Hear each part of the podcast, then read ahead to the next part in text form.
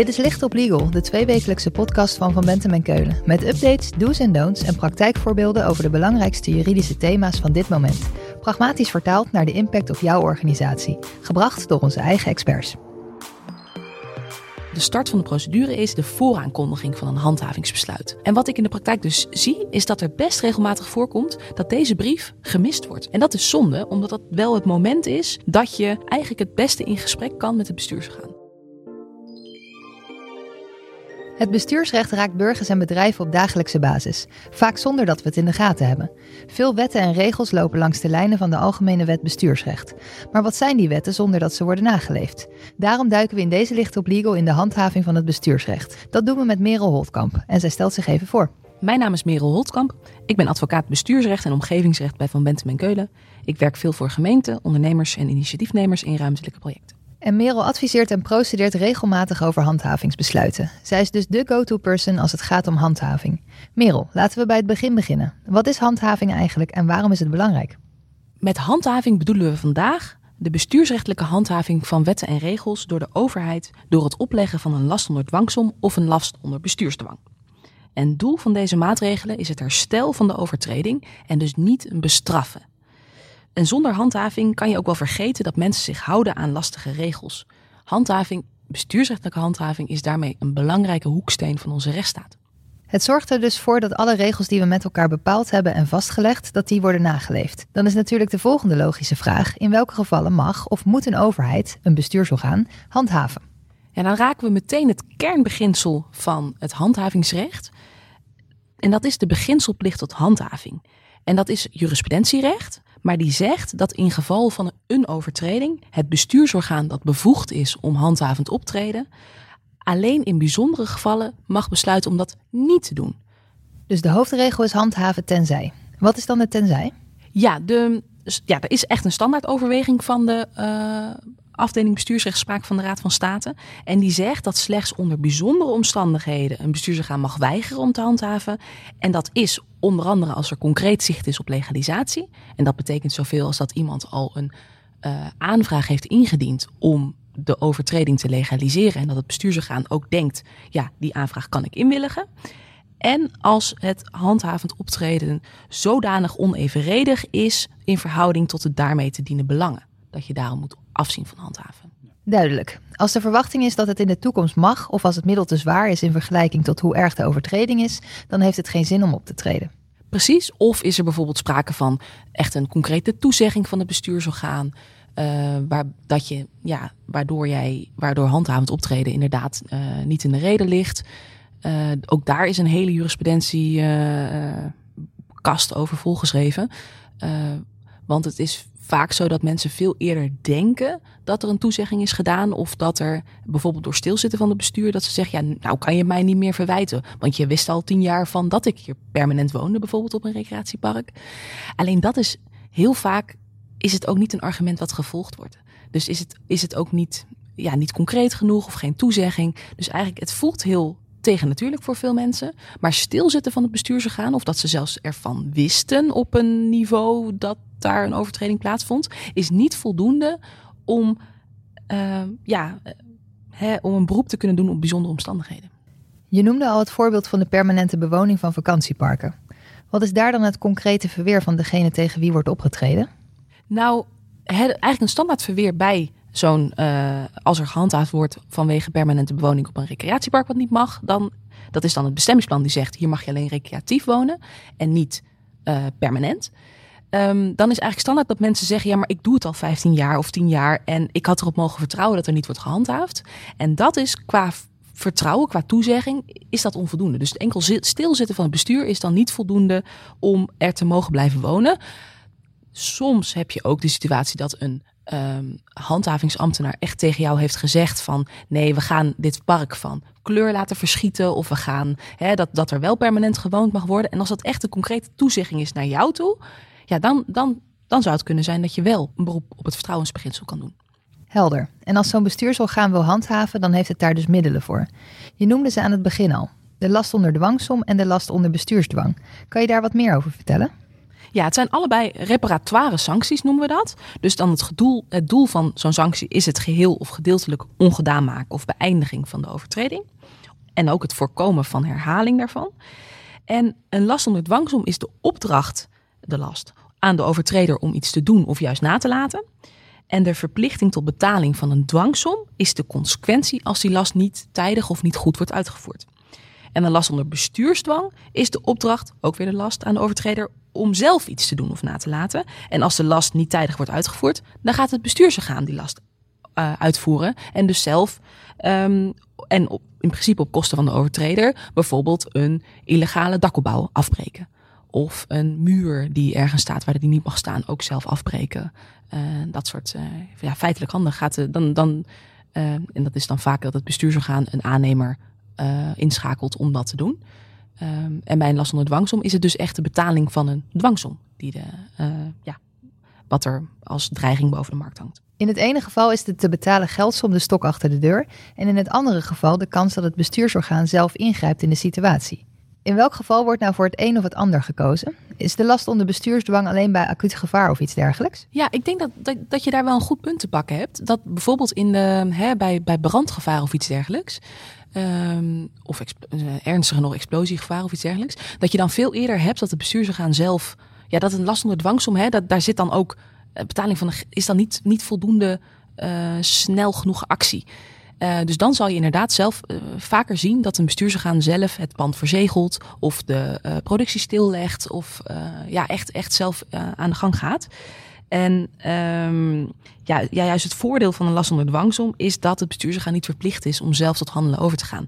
Maar daar heb je gelijk in, dat, is, dat, dat ligt meer voor de hand in situaties waar er, waar er niet een heel groot spoedeisend belang aan de orde is. En als je dan zo'n last onder dwangsom of bestuursdwang krijgt opgelegd, dan is het evident dat er gehandhaafd wordt. Maar hoe ziet dat proces er nou in de praktijk uit? Zijn er al eerdere stappen? Kortom, hoe herken je het? Ja, dat is, dat, dat is ook een goed punt, want je hebt de, uh, een handhavingsprocedure begint eigenlijk altijd met een voorfase. En dat is dat er een bezoek is geweest van een toezichthouder. Ja, die heeft iets geconstateerd en die heeft het al dan niet tijdens zijn bezoek al laten doorschemeren. Um, maar wat, wat vaak in de meeste gevallen de start van de procedure is, is de vooraankondiging van een handhavingsbesluit. Het lastige is, is dat die brieven best wel verschillende vormen kunnen aannemen. Uh, en dat je ook in de praktijk vaak ziet dat die door ja, de, de, de aangeschrevenen niet altijd worden herkend als ja, een belangrijk startpunt van zo'n procedure. Want wat is een vooraankondiging van een handhavingsbesluit? Ja, daarin, daarin beschrijft het bestuursorgaan welke overtreding zij hebben geconstateerd. En dat ze, wil jij voorkomen dat je echt een handhavingsbesluit opgelegd krijgt, dat je daarmee moet stoppen. En dat je de gelegenheid krijgt om een zienswijze in te dienen. En wat ik in de praktijk dus zie, is dat er best regelmatig voorkomt dat deze brief gemist wordt door ondernemers of door uh, burgers. En dat is zonde, omdat dat wel het moment is dat je uh, nog eigenlijk het beste in gesprek kan met het bestuursorgaan. Kijk, in spoedeisende situaties, dus bijvoorbeeld bij brandgevaar of iets dergelijks, ja, dan zullen ze dit niet doen. Dan krijg je gewoon meteen een aanschrijving, als je al een aanschrijving krijgt. Uh, want ze kunnen ook later een last onder dwangsom op schrift stellen in echt spoedeisende situaties. Dan kan het ook gewoon mondeling zijn of kunnen ze het gewoon stilleggen. Maar in situaties waar er niet een acuut uh, gevaar heerst, ja, dan, dan, dan start het in principe met die voorfase met een vooraankondiging van dat handhavingsbesluit. Je zegt er komt dan een brief waarin staat: We hebben iets geconstateerd, dat mag niet, pas dat aan. Dan mag je een zienswijze indienen. Betekent dat dan ook dat een bestuursorgaan na jouw zienswijze kan besluiten om niet te handhaven? Zeker, als jij, als jij het niet eens bent met de constatering dat sprake is van een overtreding, omdat je zegt nee, maar ik heb hier toestemming voor, of ik lees dat bestemmingsplan anders en jullie lezen het verkeerd. Zeker, dat kan. Um, het kan ook zijn dat je, dat je juist die aanschrijving gebruikt om uh, je activiteiten anders in te richten, zodat je die overtreding voorkomt. Dus dat je kan zeggen, jongens, ik doe het niet meer. Of dat je zegt, oh, dit is voor mij het signaal dat ik een vergunning aanvraag voor die extra activiteiten. Sorry, uh, mijn vergissing, ik, uh, ik heb daar een aanvullende toestemming voor nodig. Vaak schrijft het bestuursorgaan daar ook wel iets over in de brief. Over of zij uh, kans zien voor legalisatie. Sterker nog, dat moeten ze in het kader van het zorgvuldigheidsbeginsel uh, zelf ook aangeven. Um, dus ja, op die manier ja, kan dat zeker. Maar als je zienswijze wordt afgewezen of je hebt de brief met de vooraankondiging gemist, dan wordt er gehandhaafd en dan krijg je een van de twee lasten. En dan? Ja, en dan, dan heb je dus de last onder dwangsom of de last onder bestuursdwang ontvangen. Dan moet je tijdig bezwaar maken tegen die last onder dwangsom of last onder bestuursdwang. Er zit altijd een bezwaarclausule in die brief, want een last onder dwangsom, dat is een besluit in de zin van AWB. Dus daar staat uh, in deze situatie bezwaar tegen open. Dat is eigenlijk een, ja, een, een nieuw rondje dat de bestuursorgaan moet kijken van heb ik een juist besluit genomen. Daar komt een beslissing op bezwaar op. En daarna heb je beroep bij de bestuursrechter in twee instanties openstaan. Um, wat je bij, um, last onder, bij handhavingsbesluiten heel goed moet uh, bedenken, is, is dat er bij last onder dwangsommen een begunstigingstermijn gekoppeld is, waar, waarbinnen je zonder risico op het verbeuren van die dwangsommen uh, ja, uh, kan zorgen dat, dat je de activiteiten staakt. Dat is eigenlijk de gedachte van het bestuursorgaan. Maar wat er dus eigenlijk vaak een standaard handeling is als je bezwaar gaat maken tegen last onder dwangsom, is dat je ook verzoekt om een verlenging of een opschorting van die begunstigingstermijn zodat je, omdat je het dan niet eens bent met het opleggen van die last, daarover wil je procederen. Want wil je een oordeel van ik mag het wel doen, of hè, ik, het zit anders, uh, jullie zien het verkeerd. Ja, dan wil je eigenlijk niet stoppen vaak met die activiteiten. Want je bent, je bent ervan overtuigd dat je het wel mag doen. En dan moet je dus wel goed in de gaten houden dat je niet alsnog die dwangsommen verbeurt. Omdat het, het, het, het instellen van bezwaar of beroep heeft geen schorsend werking voor die uh, begunstigingstermijn. Daar moet je extra handelingen voor uh, verrichten. En als je zo'n verzoek om die begunstigingstermijn indient, wordt daar dan automatisch ja op gezegd? Nee, er wordt zeker niet automatisch ja op gezegd. Wel is mijn ervaring dat bestuursorganen die nog niet heel geharnast in de wedstrijd zitten, um, dat die, en, er, dus niet een gevaarsaspect in zit, dat er wel regelmatig daar uh, gehoor aan wordt gegeven om bijvoorbeeld zes weken tot na de beslissing op bezwaar uh, de, last, uh, de begunstigingstermijn op te schorten. Anders kan je altijd nog naar de, als je bezwaar hebt gemaakt, dan kan je ook wel de voorzieningenrechter van de rechtbank vragen. Dat je zegt, ja, ik heb het bestuursorgaan gevraagd om die opschorting van die last. Die krijg ik niet. Maar nu vraag ik het, leg ik het aan jou voor. Dat mijn belangen in deze moeten prevaleren om nog wel ja, door te kunnen gaan uh, voor een opschorting van die uh, last van de dwangsom, van die begunstigingstermijn. En waar gaat dit in de praktijk nou mis, zowel bij de overheid als bij bedrijven? Ja, handhaving is echt een notoire lastig onderwerp. Ook omdat er dus ja, heel veel aspecten. Het is heel, ja, zoals alles in, in, in het recht bijna wel heel casuïstisch is. Maar het is ook het formuleren van een goede last voor een bestuursorgaan. Ja, dat is, dat is echt een soort proeven van bekwaamheid. Als je dat kan, dan, ja, dan, dan, dan weet je wat je doet als, als, als overheid. En um, het verschil tussen, tussen de last van waar moet de overtreder aan voldoen versus de omschrijving van mogelijke herstelmaatregel. Ja, dat is bijvoorbeeld al een heel belangrijk uh, onderscheid in het recht waar het vaak op misgaat. En een ander voor de overheid heel belangrijk onderdeel waar het regelmatig op misgaat, is dat je vaak wil voorkomen dat er verjaring optreedt van de, van de mogelijkheid tot het invorderen van de dwangsom.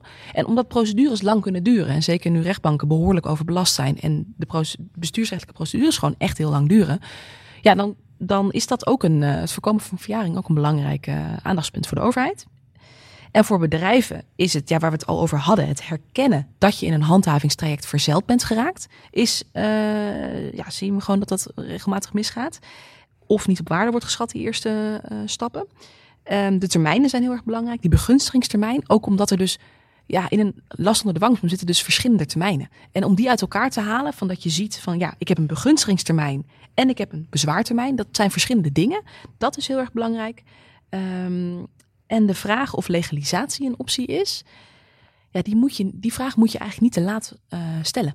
En ook niet uh, vergeten, omdat dat eigenlijk gewoon de meest ja, to-go-to route is om, om, om zeg maar, dat handhavingstraject van je af te krijgen. Er is veel gezegd, maar als ik nu luister naar deze podcast, wat moet ik echt niet vergeten? Ja, voor ondernemers is dat leg je niet te snel neer bij een handhavingsbesluit. Vaak genoeg valt hier echt wel wat op af te dingen. Uh, want het is namelijk niet gemakkelijk om een goede last onder dwangsom of bestuursdwang te schrijven voor een bestuursorgaan. Um, en je moet dus op tijd herkennen dat je in zo'n handhavingstraject verzeld bent geraakt. Merel, dankjewel. Als we meer willen weten, waar kunnen we dan terecht? Je kan me altijd mailen op merelholtkamp.vbk.nl of bellen. En mijn nummer vind je op de website.